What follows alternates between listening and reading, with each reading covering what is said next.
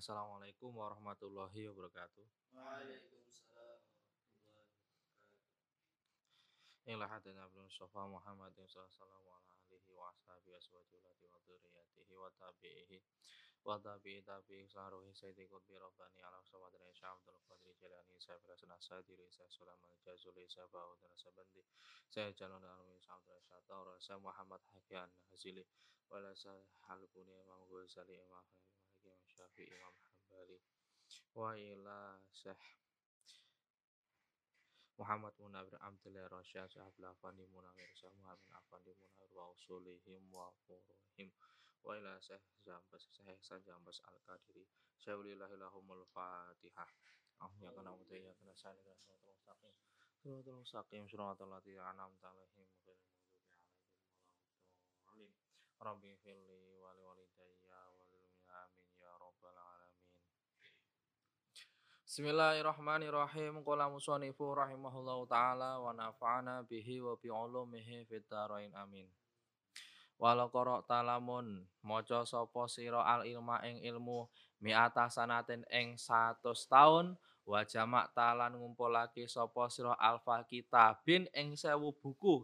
Lata kuno mongko ora ana apa ilmu lan 1000 kitab atau boleh juga latakunu ora ono sopo siro gitu. Iku mustaidan. Wong kang siap li rahmatillahi maring rahmati Allah taala halih luar sopo Allah ila bil amali angin kelawan amal. Jadi takunu itu anta maksudnya.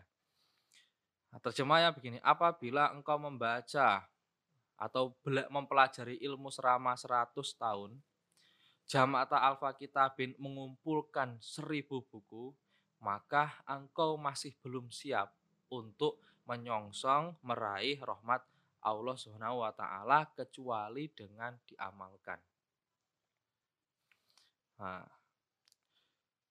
Wa an laisa lan lamun nah gini. Lan yento ora ono ikulil insani kaduwe menungso apa ilama angin kelawan barang saakang wus usaha sopoman engma Surat An-Najm disarahnya surat An-Najm 39. Wa alaisa lil insani ilama sa'a. Yang dimiliki oleh manusia hanyalah apa yang ia usahakan. Nah, terjemahnya kurang lebih seperti itu. Faman utawi sapane wong kana kang ana sapa mon, sapa man.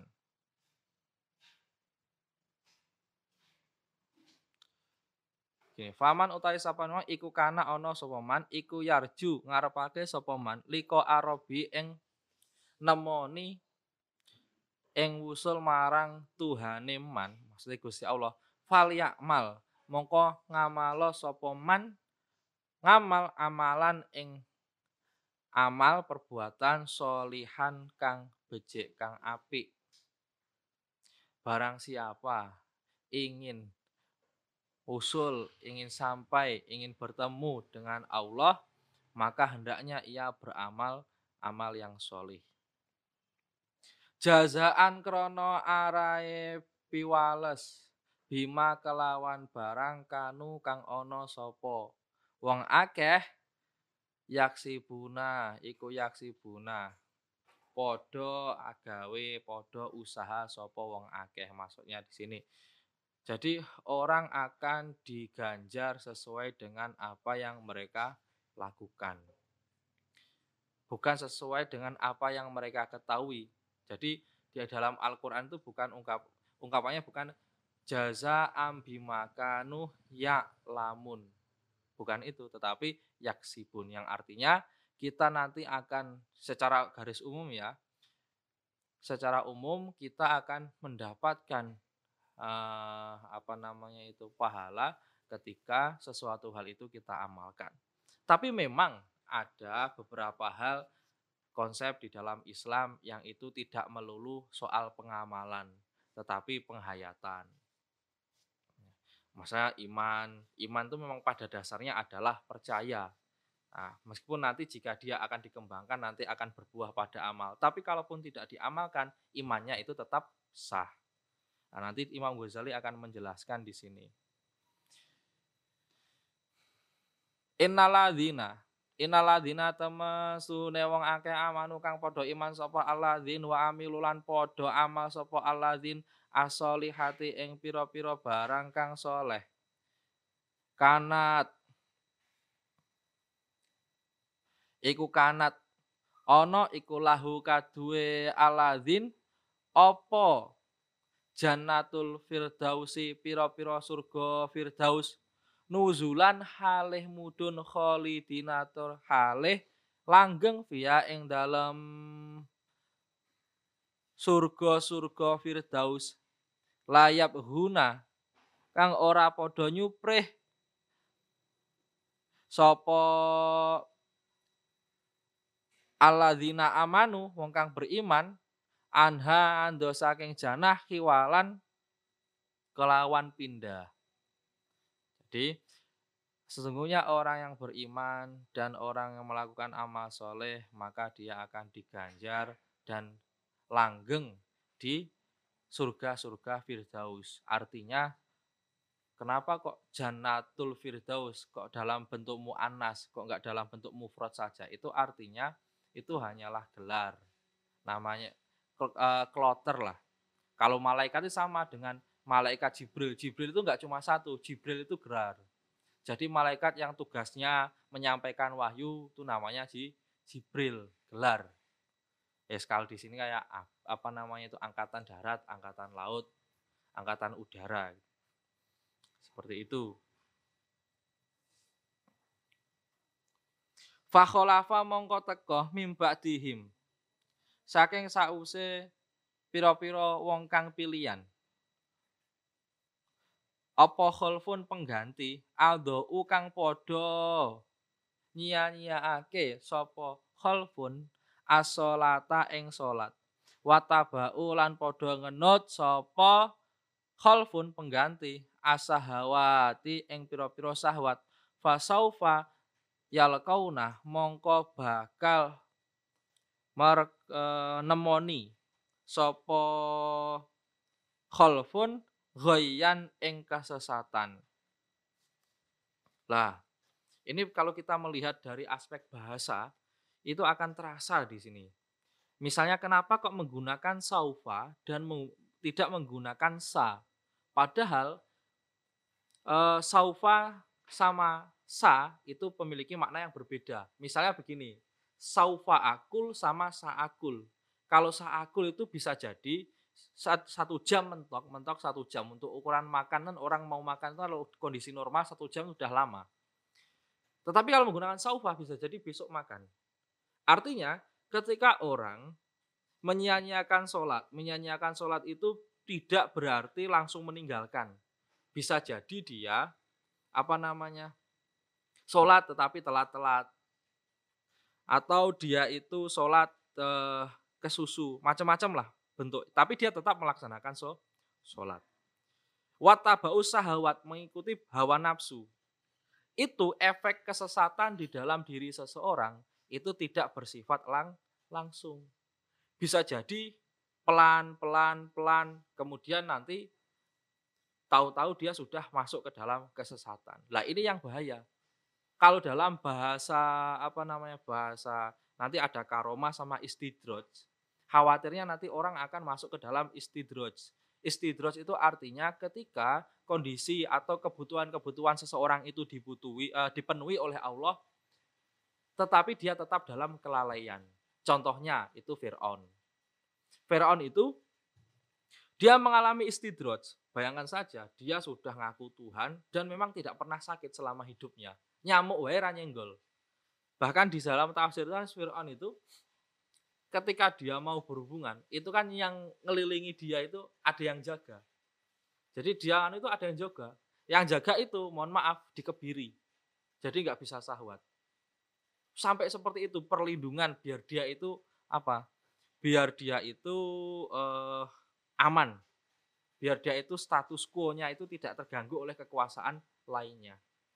Lah, dia tidak pernah mengalami sakit sedikit pun. Tahu-tahu ya mati pas tenggelam di laut merah. Nah itu namanya istidroj. Ketika kita melakukan hal-hal buruk, hal-hal yang bertentangan dengan perintah Allah, tetapi Allah tetap memenuhi kebutuhan kita, hajat-hajat kita. Nah itu bahaya. Mending kalau orang melakukan hal buruk langsung ketahuan, ditegur, soal, tapi kan menyakitkan hal seperti itu. Tapi itu masih mending, karena kenapa? Dia akan berhenti. Tapi kalau istidroj, tahu-tahu wis parah.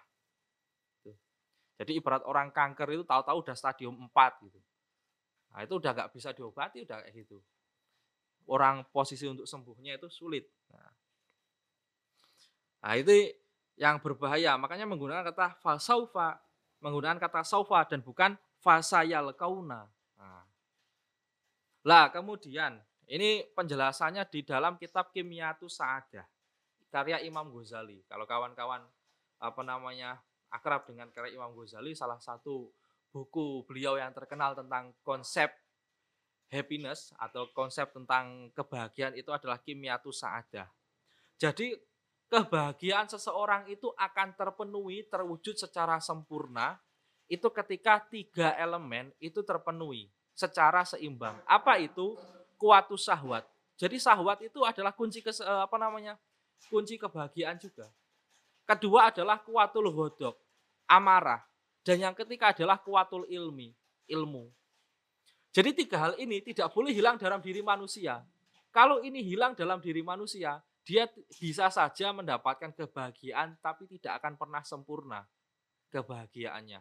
Jadi mohon maaf kalau ada orang belum menikah, itu berarti ya belum mendapatkan kebahagiaan yang tuntas. Dalam artian secara menyeluruh. Kebahagiaan itu kan bisa tidak hanya persoalan batin, tetapi kenikmatan fisik. Nah, itu juga diperhatikan oleh Imam Ghazali. Nanti kalau ada mengatakan orang mengatakan, loh kan kebahagiaan di hati, saya sudah bersama dengan Allah. Iya, kamu bertemu dengan Allah dan bahagia, iya. Tetapi secara keseluruhan itu belum sempurna. Karena kenapa? Kebutuhan fisik kamu khususnya dalam bidang seksual karena belum menikah belum terpe, terpenuhi. Kalau seperti itu, itu nanti arahnya ke Plato. Nah, misalnya Plato, misalnya Platonic love itu konsep ke konsep cinta Plato di mana cinta tidak harus apa? Tidak harus berbalas. Kan seperti itu. Karena kenapa? Karena manusia hanyalah wadah yang hakikat adalah keindahan yang transenden itu. Lah, manusia tidak bisa seperti itu. Manusia tidak bisa. Bayangkan sampean demen sama karo wong wedok, terus wong ya meneng wae sakit hati enggak? Ini sakit hati. Itu wajar. Jadi Imam Ghazali di dalam hal ini dalam kitab Kimiatu Sa'adah itu melihat kebahagiaan kebahagiaan manusia itu dari berbagai aspek. Di mana aspek sahwat itu harus dipenuhi, aspek mental lewat emosi harus dipenuhi. Kemudian tidak hanya pemenuhan dua hal tersebut tetapi harus diiringi dengan yang namanya il, ilmu. Ketika itu berjalan seimbang, maka orang akan menemukan tamaman nikmah.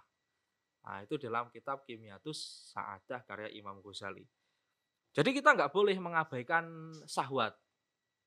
Contoh gini, orang kalau sahwatnya hilang, dia bisa sakit.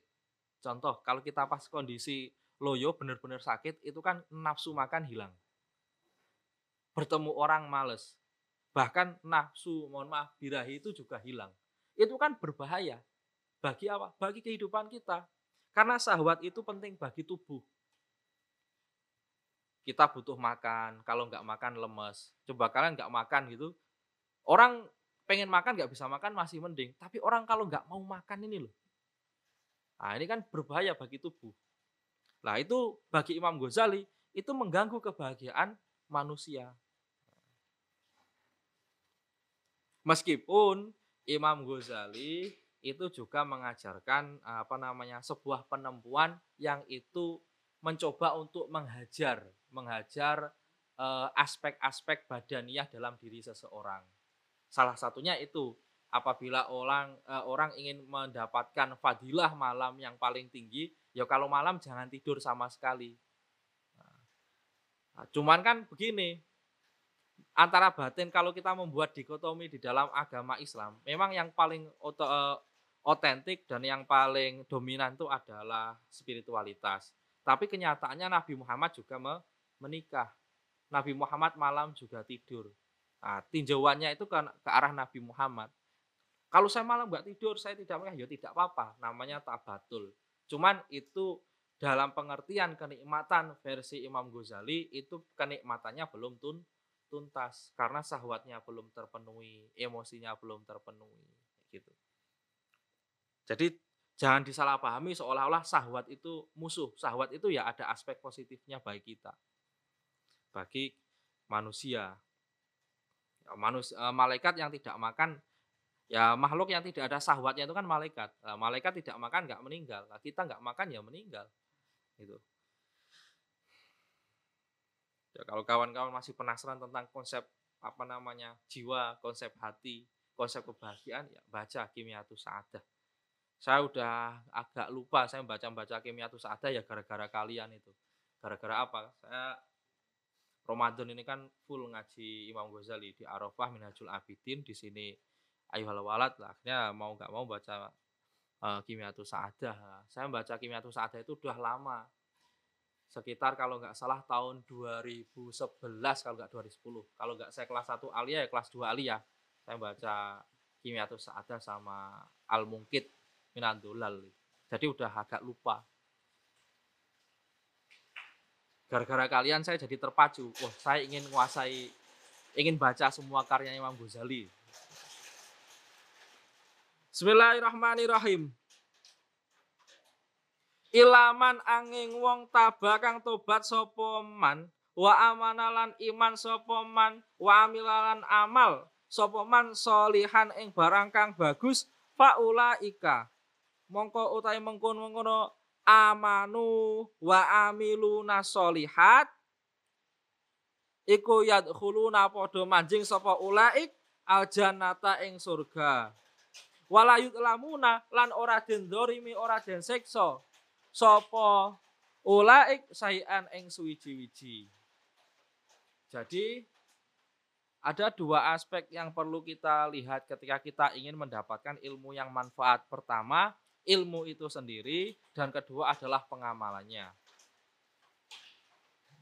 Itu dua hal yang sangat penting dan perlu kita pertimbangkan. Itu saya alami sendiri.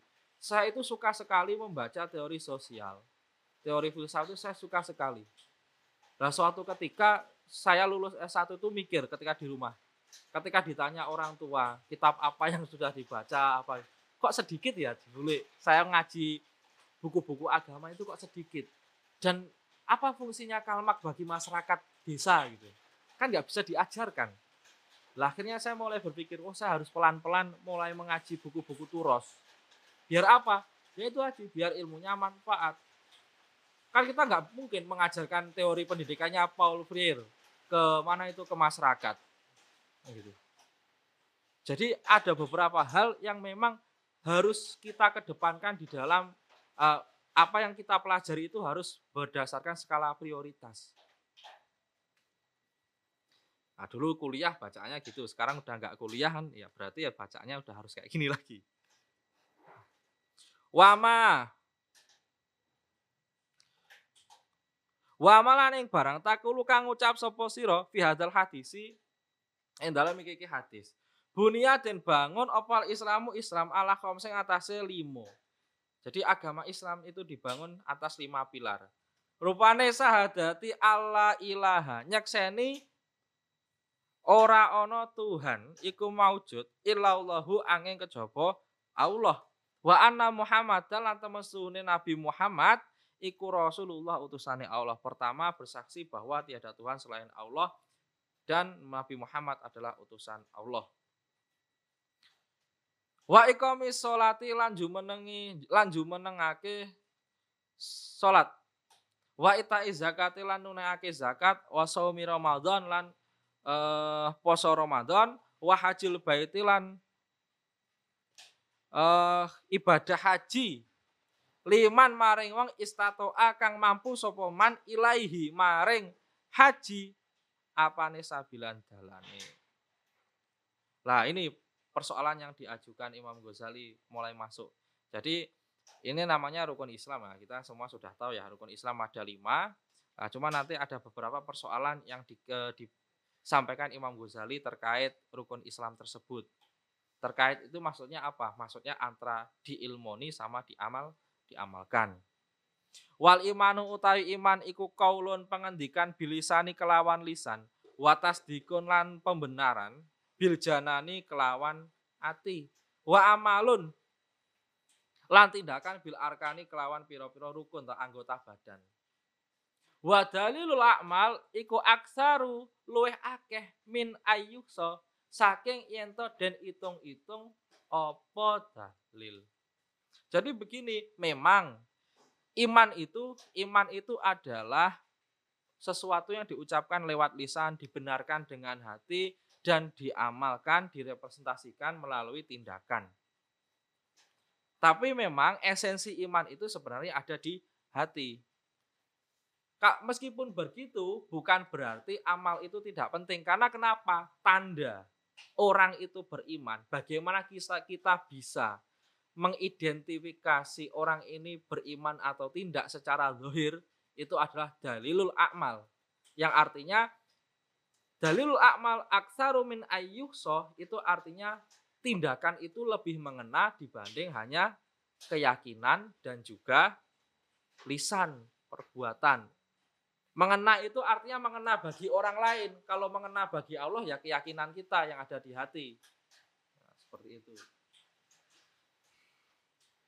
Wa ing kana lamun ana sapa abdu kawula iku ya bluhu tumeka abdun aljanata ing surga bi kelawan keutamane Allah taala limarsa Allah wa karomihi lan sifat murahe Allah dermawane Allah. Lakin tetapine ba'da ayastaida sause ing dalam sause yen to siap sapa abdun bitaatihi kelawan taate abdun wa ibadatihi lan ibadai abdun. Nah, di sini kalau kita membuat keywordnya itu ada di ba'da. Jadi orang itu memang masuk surga, selamat dari neraka, itu karena fadl dan karomnya Gusti Gusti Allah. Kita tidak boleh beranggapan bahwasanya dengan amal kita saya layak masuk surga. Dengan amal kita saya layak mendapatkan fadilah. Meskipun secara syariat itu sah, tapi secara tasawuf itu tidak tidak dibenarkan. Karena semuanya itu karunia yang kita dapat baik surga atau apa pun itu semuanya karena fadl dan karomnya Gusti Allah. Tetapi ada keyword di sini, ada kata kunci yang membedakan uh, dari pemahaman selanjutnya yaitu apa? Lakin ba'da. Jadi kata lakin ba'da itu namun setelah artinya meskipun Allah itu memasukkan kita ke dalam surga itu karena fadl dan kemurahannya itu bukan berarti kita tidak taat dan tidak beribadah kepada be, kepada Allah. Jadi tetap harus beribadah dan taat kepada Allah. Setelah itu tawakal pasrah. Jadi taat dulu, ibadah dulu, baru pasrah. Yang pasrah nanti bisa kita masuk ke surga dengan fadlnya Gusti Gusti Allah.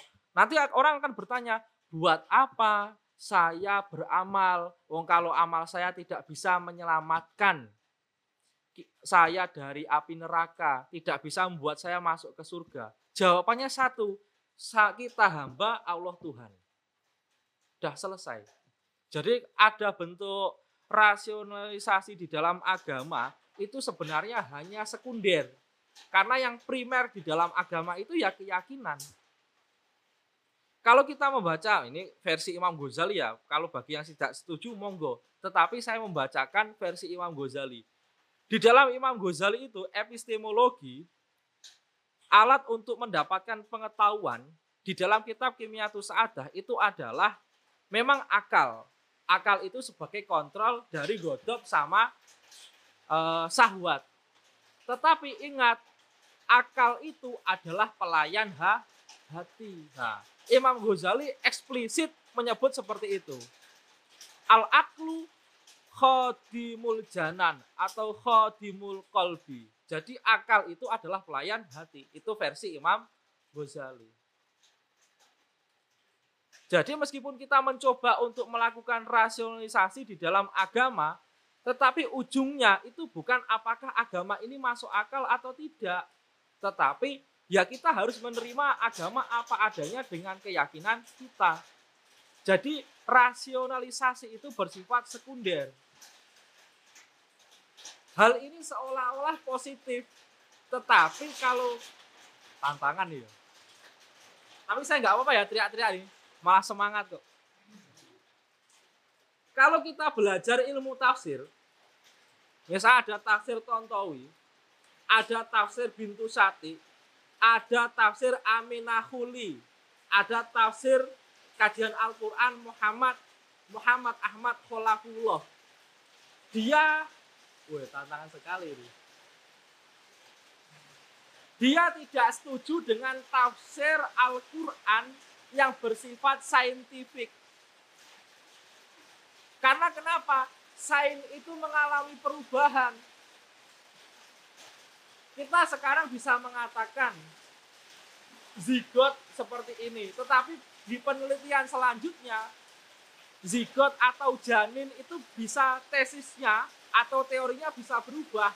Loh kalau itu disandarkan dengan Al-Quran, nanti bagaimana nasib Al-Quran? Apakah nasib Al-Quran ada revisinya? Gitu.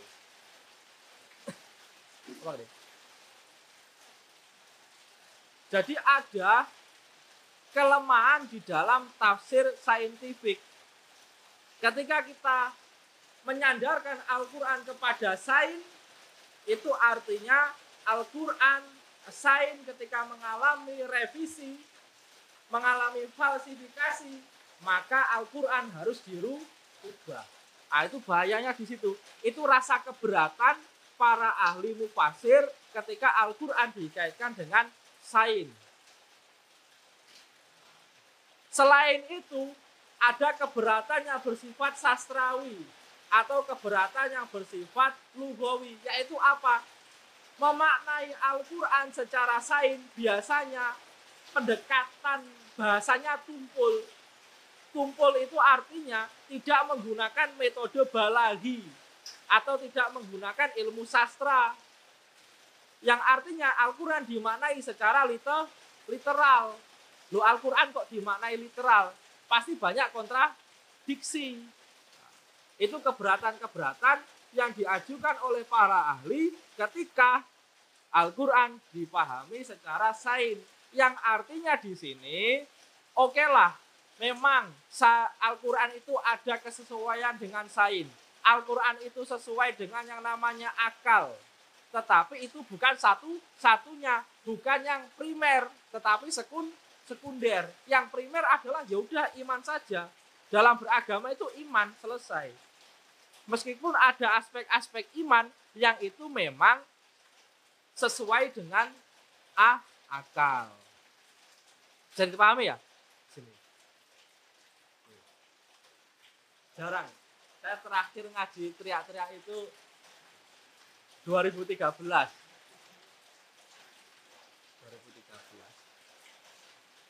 2013 Li'ana rahmatallahi temasune rahmate Allah iku koribun parek minal muhsinina saking piro-piro wong kang bagus. Walau kilalan lamun den pitakon den takon ake opo pitakon. Aidon haleh maneh yabluhu teko sapa man bimujarradil imani kelawan iman tok Fakul mongko ngucap sapa kita naam yo lakin tetapi ne mata yabluhu. Mata kapan yabluhu teko sapa man? Ah. di sini ada persoalan. Iman hanya dengan hati sah ya. Iman dengan hati sah. Kalaupun tidak diamalkan, ya tidak apa-apa, tetap sah. Tetapi kalau diamalkan, maka akan lebih sem sempurna. Lah di sini ya belugu bimo mujarodatil iman dengan hanya iman orang bisa masuk surga, orang bisa sampai pada Allah. Itu memang benar.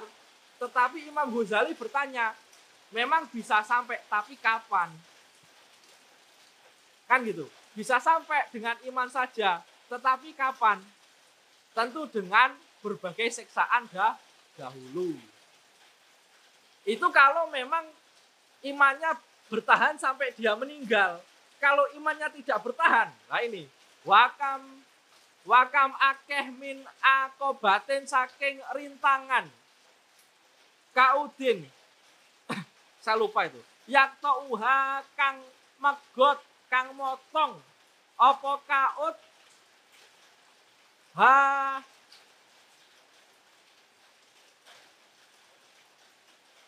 Mantap.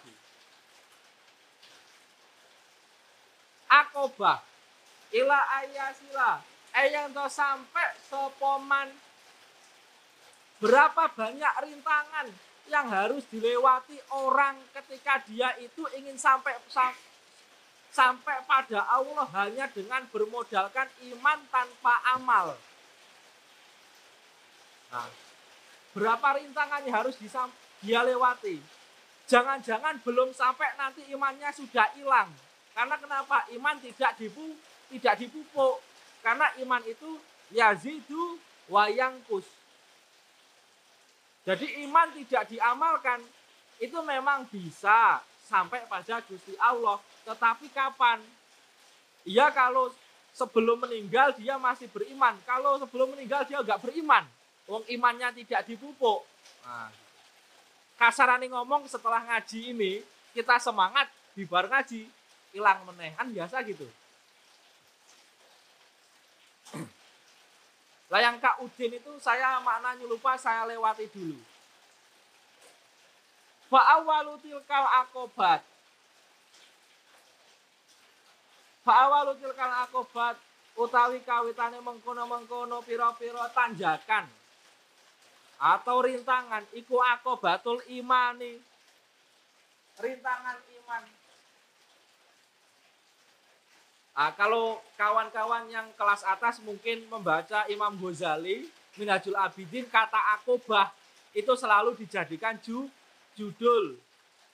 Jadi kalau di dalam kajian modern kitab Ayuhal Walad itu memiliki interteks dengan apa?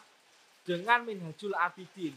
Artinya ada jaringan gagasan, jalinan pemikiran Imam Ghazali antara kitab Minhajul Abidin dengan Ayuhal Walad. Nah, mungkin yang belajar sastra atau filsafat pasti tahu apa interteks itu.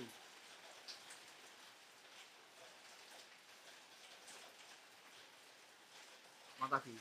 Wa innahu lan temesune kelakuan hal yaslamu ana to slamet sapa man?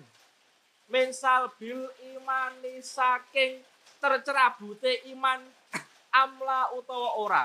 Lo iman itu kalau tidak diamalkan pertanyaannya apakah dia itu nanti bisa selamat ketika dia tergoda kemudian imannya hilang nah, jadi memang teorinya dengan iman saja tanpa diamalkan orang memang bisa masuk surga, bisa sampai pada Gusti Allah.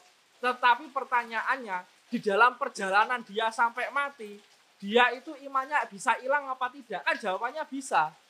Uang yang diamalkan saja itu masih bisa hilang, apalagi yang enggak dia diamalkan. Wa idza wasola lan ing dalem nalikan itu maka sapa man hal yakunu ana ta ana sapa man iku khaiban wong kang gagal muflisan tur kang muflis wong kang rugi Nah ini rintangan yang kedua. Bayangkan saja, ketika di imannya tidak diamalkan, dalam perjalanan dia sampai meninggal, tantangan pertama imannya bisa saja hilang. Katakanlah imannya tidak hilang, sampai dia mati imannya bertahan. Tapi pertanyaannya, kalau dia sudah sampai, meskipun imannya ada, jangan-jangan dia merugi. Jangan-jangan dia gagal. Karena kenapa? Imannya itu tidak diamalkan sehingga tidak membuahkan buah keikhlasan. Nah, jadi imannya tetap tetapi ada gangguan-gangguan lain, misalnya gangguan keikhlasan. Jadi banyak persoalan. Jadi dengan adanya hadis uh, man qala la ilaha illallah dakhalal jannah jangan pede-pede. Jangan pede-pede masuk surga. Karena kenapa? dia tadi banyak tantangan, banyak akobahnya, banyak rintangan, tanjakan yang mesti dilewati oleh seorang ham, hamba.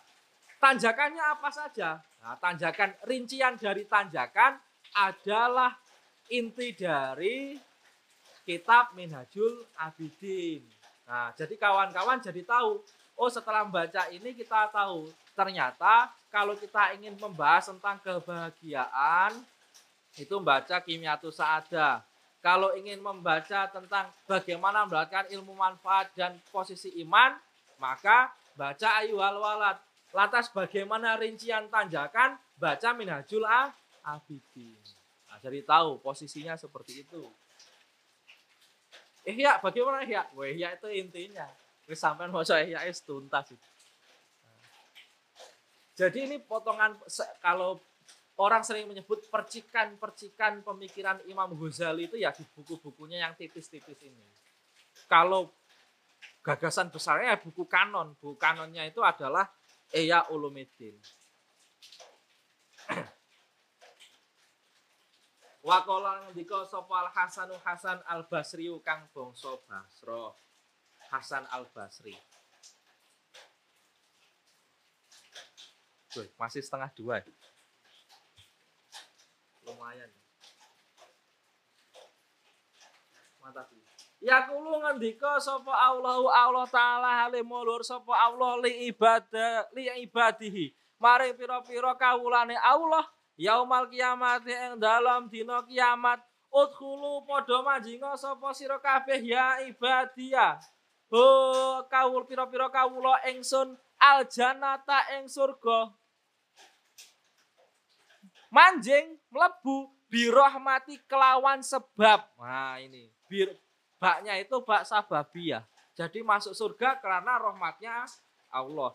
Birahmati kelawan sebab rahmat ingsun waktasimu lan bagi-bagi sapa sira ha ing rahmah bi'amalikun kelawan piro-piro amal siro. Jadi besok kita memang akan mendapatkan rahmat dari Allah. Tetapi seberapa banyak rahmat itu kita dapatkan bergantung dengan amal yang kita lakukan. Seperti itu. Nah ini aja cerita ini, mulai cerita. Saya senang kalau cerita. Kalau cerita itu nggak terlalu beban. Kalau konsep-konsep itu beban. Beban apa? Beban ngamalkan. Paling tidak karena tahu, meskipun nggak wajib kan gitu. Kalau itu sunnah, kalau terkait ibadah wajib ya wajib. Aywal waladu hongger bocong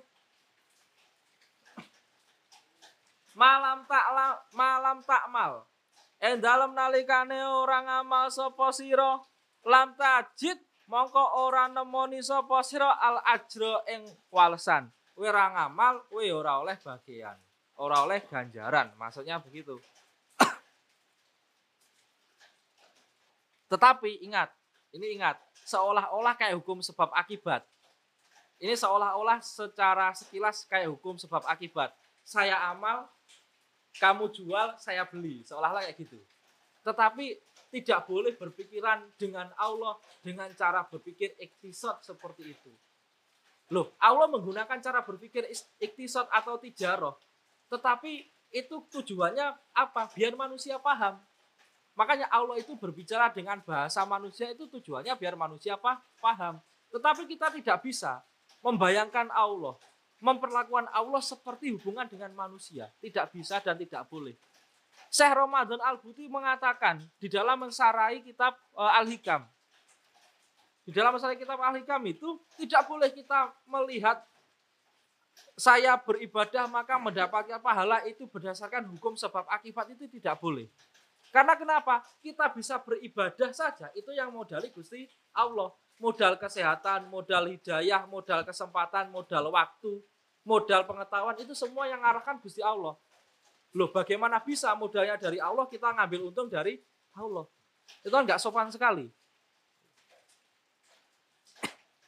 Nah, jadi meskipun nampak seolah-olah hukumnya sebab akibat kausalitas, tetapi di dalam cara berpikir tasawuf itu hanya cara untuk memudahkan audiens kita sebagai pembaca di dalam menangkap pesan-pesannya. Tetapi pada hakikatnya kita tidak boleh. seperti itu.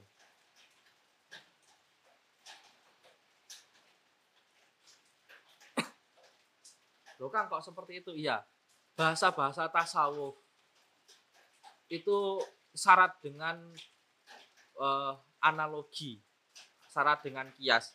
Bukan hanya tasawuf. Kalau kita belajar sejarah Islam, sejarah Islam menggunakan teori yang benar-benar teori dalam artian akademis dalam gagasan barat itu. Mungkin di sini kalau ada yang mungkin S2 atau S3 kita pernah membaca bukunya siapa namanya itu Patricia Kon atau bukunya John Wasbro. Nah, di situ ada namanya topoi. Topoi itu jamak dari kata topos. Topos itu arta, artinya simbol yang digunakan untuk menunjukkan hiperbola dan itu sering digunakan di dalam cerita. Kita kemarin sudah menghadapi topoi. Topoinya apa? di sini oh, saya sudah mulai kecil lagi tambah banter Topoinya apa? Jadi begini, kemarin dikatakan ketika orang umurnya sudah 40 tahun, maka orang umurnya sudah 40 tahun, maka dia akan sulit berubah. Lah, apakah 40 tahun itu merujuk umurnya yang 40 tahun ataukah itu hanyalah simbol kedewasaan? Nah, kalau orang memaknai itu sebagai topoi atau topos, 40 tahun itu hanyalah simbol kedewasaan yang artinya bisa 41, bisa 42, bisa 39. Nah, jadi seperti itu. Sama dengan Nabi Muhammad diangkat menjadi rasul. Umurnya 40 tahun. 40 tahun itu merujuk ke umur benar-benar umur beliau atau simbol kedewasaan. Lah ulama berselisih pendapat itu namanya to topoi. Itu yang bahasa sejarah saja menggunakan topoi, apalagi yang bahasa-bahasa tasawuf, bahasa-bahasa sas, sastra. Jangan berharap memaknainya dengan makna literal. Makna literal itu makna tekstual. Santai. Bismillahirrahmanirrahim. Bukia dan cerita ke anak rojulan teman sepuhune wong lanang siji bani Israila saking bani Israel iku abada nyembah ibadah sapa rajul Allah ing Allah. Taala limo luwur sapa Allah nyembah sabaina ing 70 apane taunan taune. Loh ini ada apa nama cerita seorang dari Bani Israel. Seorang Yahudi tentu Yahudi Yahudi yang benar itu menyembah Allah murni berapa? 70 tahun. Kita untuk bisa beribadah 70 tahun itu berapa, butuh berapa um, berapa ratus tahun? Karena kok bisa Kang? Wong saya ibadah sama Allah 70 tahun itu ya tinggal ibadah saja. Oh tidak, karena kenyataannya, katakanlah kalau umur kita 60 tahun, kalau tidur kita itu lebih dari 8 jam, berarti kan satu per satu berarti 30 persen ya, eh 25 persen. Berarti dari 60 tahun itu 20 tahun kita gunakan untuk tidur. 20 tahun untuk tidur loh. Kan gitu. Kita belajar membaca atau sholat apa pun itu ibadah atau belajar itu sehari berapa jam itu kan bisa dikalkulasikan kalau kurang dari 8 jam itu artinya ya berapa itu eh, berarti 30 persen ya bukan 20 tahun berarti oh ya benar 20 tahun berarti belajar kita ibadah kita itu tidak lebih dari 20 tahun sedikit sekali lah ini ada orang 70 tahun pure murni ibadah. ibadah. Ini kan luar biasa. Wah, seolah-olah wah ini uang mesti ganjarannya mesti surga iki. Ternyata tidak. Lah ini. Faroda mongko ngarepake sapa Allah Allah taala alim luwur sapa Allah ayyaja luwa ing yen to nampakake sapa Allah hu ing pahala ajar alal malaikat yang atasi malaikah. Jadi ada hamba pure murni ibadah 70 tahun. Kemudian Allah ingin menunjukkan orang tersebut pahala orang tersebut kepada para mala malaikat. Kemudian Allah farsala mongko ngutus sapa Allah Allah ilahi maring rajul. Malakan ing malaikat yuk biru kang awe khobar hu ing rajul anau ing temesune rajul ma'atil kal ibadati bareng sarane mengkono mengkono ibadah iku ya ora iku layaliku ora patut. Iku layaliku ora patut ora ngehaki bihi kelawan. Sebab ibadah duhulal janati eng mlebu surga jadi 70 tahun ada orang 70 tahun ibadah murni. Lah ibadahnya apa pahalanya gede. Kemudian itu dinampakkan kepada malaikat. Malaikat saman Allah disuruh suruh ngasih tahu orang tersebut. Misalnya dalam Kang ini misalnya Kang Munib. Bilang ke Kang Munib Kang Munib ibadah 70 tahun tapi dengan ibadahnya itu dia tidak bisa masuk surga. Kan mesti shock tuh ibadah 70 tahun kan mesti shock gitu. Oh malam-malam langsung beli ciu kan gitu putus asa gitu putus asa. Orang kalau imannya nggak kuat putus asa. Seringlah kita membuat kesalahan karena wis kadung mangkel wis disalah-salah nih pisan kan kita pernah seperti itu. Wis kadung mangkel salah ya wis salah pisan. Nah, itu kita sering. Lah itu kalau orang biasa pasti malamnya bisa beli ciu ke sarkem ke mana. Ini alhamdulillah orangnya orang baik. Kemudian jawabnya bagaimana? Falama balago mongko ing dalam nalikane teko sapa malaikat ing abid kala ngendika sapa abid? Abid itu maksudnya rojul. Nah nut utawi kita iku khulik naden ciptakake sapa kita len ibadati? Nggo ngibadah. Payam bagi mongko prayoga sudah selayaknya gitu. Lana maring kita apa anak budahu yang to nyembah sapa kita hu ing Allah. Lah dikasih tahu seperti itu, orangnya malah jawab, kita itu diciptakan untuk ibadah. Sudah selayaknya mau dimasukkan surga atau neraka ya harus tetap ibadah. Wah, ini kan jawabannya keren. Terus kalau kita ya usah cetok mangkel, wis traweh trawehan ritek lah. Game sak pol-pole. Duite wong tuane langsung dintak ning gitu skin. Jadi ini alhamdulillah orangnya baik. Karena orangnya baik dia menjawab, kami ini hamba diciptakan untuk ibadah. Ya sudah selayaknya dimasukkan surga atau tidak, enggak urusan. Yang penting kami ibadah. Karena itu tugas kami. Nah ini jawaban. Kenapa kita kok masih harus sholat, masih harus taat ketika semua hal yang kita lakukan itu sebenarnya tidak bisa masukkan kita ke dalam eh, ke dalam surga. Nah, karena apa ya? Karena kita hamba saja. Kala ngendika sapa malaikat, Ilahi duh Gusti Allahu, duh Tuhan ingsun, pangeran ingsun, anta utawi panjenengan iku alamu, luweh ngerti sapa panjenengan. Bima kelawan barang kola kang ngendika sapa abet sapa uh, ahli ibadah ing ma. Fakola mongko jawab sapa Allah Allah taala halimul luhur sapa Allah.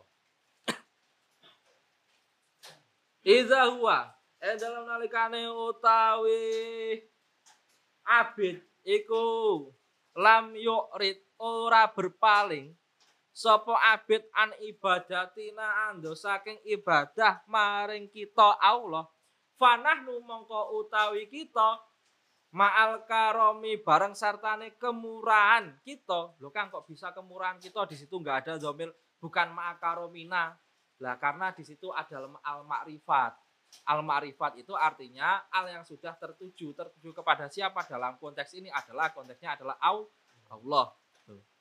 Iku la nuridu ora berpaling sapa kita anhu ando saking uh, abid ishadu moko nyeks padha nyeksenono sapa sira kabeh ya malaikati hu malaikat ingsun ini temen setuhune ingsun iku kod ghafartu teman-teman wis ngapura sapa ingsun lahu ing abid lahu ing abid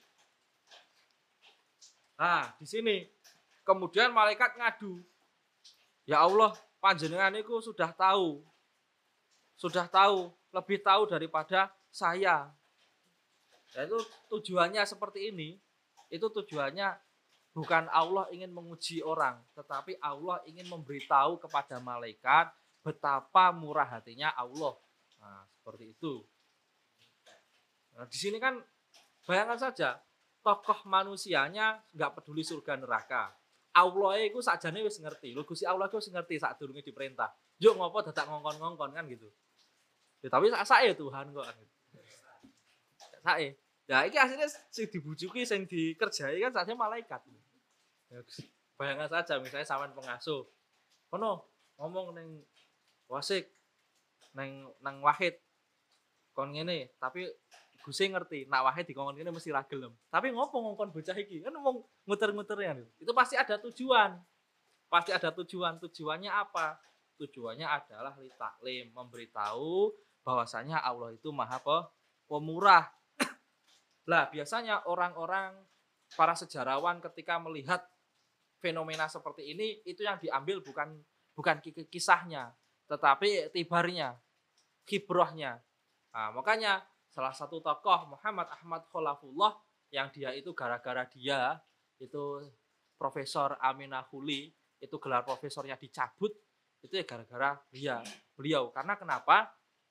Ya siapa namanya? Aminah Huli eh, bukan Aminah Huli Muhammad Ahmad Kholafullah itu fi fani kososil Quran itu itu mengatakan bahwasanya ada cerita mitos di dalam Al-Qur'an. Artinya cerita dalam Al-Quran itu tidak semuanya itu faktual. Bisa saja itu mitos, tidak benar-benar ada. Tapi meskipun begitu, yang terpenting di dalam Al-Quran itu bukan bukan cerita apakah itu faktual atau tidak, tetapi apa kibrohnya, pelajarannya. Nah, dia mengatakan statement bahwasanya Al-Quran bukan kitab sejarah. Ya terserah, itu kan saya cuma menyampaikan kok buat ap, ap, kenapa kok kita sering menemukan fenomena-fenomena itu sebenarnya Allah tahu tapi masih dilakukan. Itu tujuannya ibroh, litaklim. Jadi bukan saya mendukung Muhammad Ahmad Kulafluh, nanti ini ada rekamannya dipotong. Saya jadi kasus. Bukan, jadi ada pola pemahaman di dalam sejarah bahwasanya ketika melihat cerita itu yang poin utamanya bukan apakah ia faktual atau tidak, tetapi apakah ia bisa memberi dampak positif nilai kepada kita. Seperti itu. Jadi jangan kaget kalau kita melihat fenomena-fenomena seperti ini. Ada juga toh wali, tetapi kalau di Osfuriah itu dia apa namanya hidupnya maksiat terus, dia hidupnya maksiat terus, tidak pernah takwa, tetapi ketika meninggal dia wasiat. Besok kalau saya meninggal, ini di Uswuriyah, Oh itu tulus Purya itu dia mengatakan besok kalau saya meninggal tolong abu saya dibakar. Setelah abu saya dibakar buang ke laut. Lah akhirnya ditanya ketika dia sudah meninggal kenapa kok abunya harus dibuang ke laut? Ternyata ketika orang itu dihisap ditanya saya itu orang yang maksiat.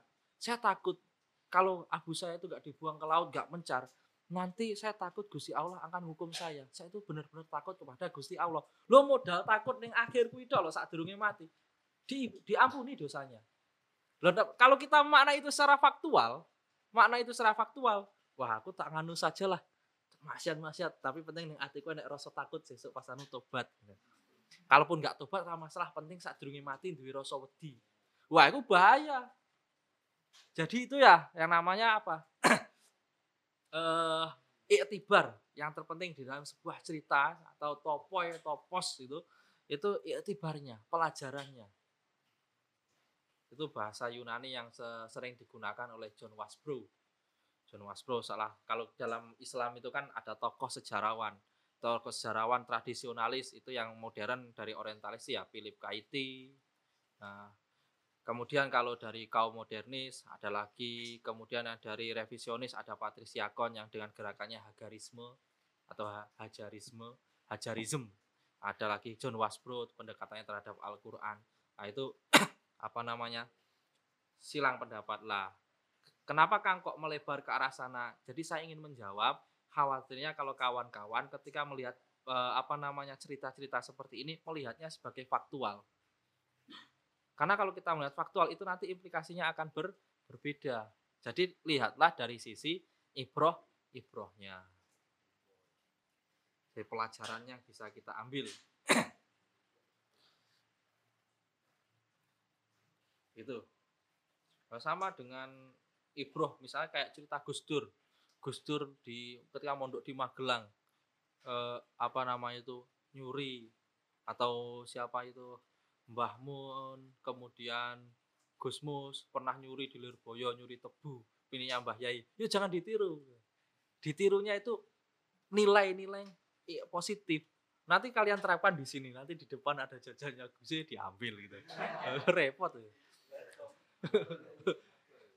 Jadi yang diambil itu adalah ibroh ibrohnya.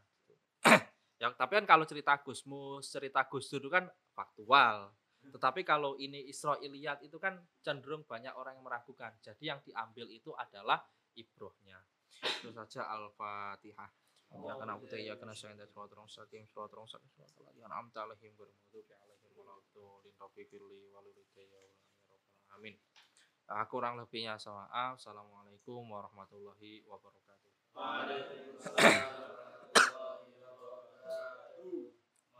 لا يصلي وسلم دائما أبدا على حبيبك خير الخلق كلهم هو الحبيب الذي ترجى شفاعته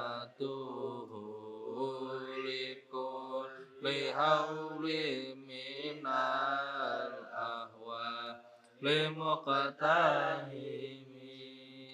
يا ربي بالمصطفى بلغ مقاصدنا واغفر لنا ما مضى يا واسع الكرم